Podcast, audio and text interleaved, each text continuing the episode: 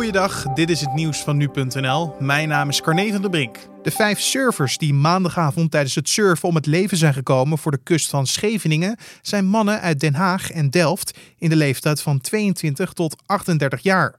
Dat heeft de politie bekendgemaakt tijdens een persconferentie.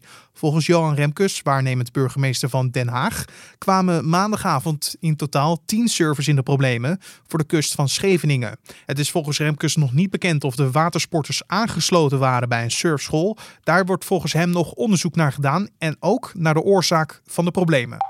Tot opluchting van veel ouders en kinderen zijn sinds maandag de basisscholen weer geopend.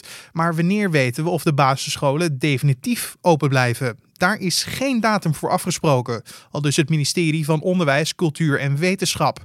Besluiten over het openen van de scholen nemen we stap voor stap, al dus een woordvoerder van minister Arie Slop van Onderwijs. We kijken steeds op basis van de actuele situatie wat er mogelijk is en wat veilig kan. Als er toch negatieve ontwikkelingen zijn, dan kan het kabinet ervoor kiezen de scholen opnieuw te sluiten. Het RIVM heeft vandaag in hun dagelijkse update 54 nieuwe sterfgevallen gemeld, waarmee er sprake is van een van de kleinste dinsdagpieken tot dusver. Het aantal ziekenhuisopnames steeg met 35 en dat is ook het kleinste aantal tot dusver is gemeld bij een zogeheten dinsdagpiek.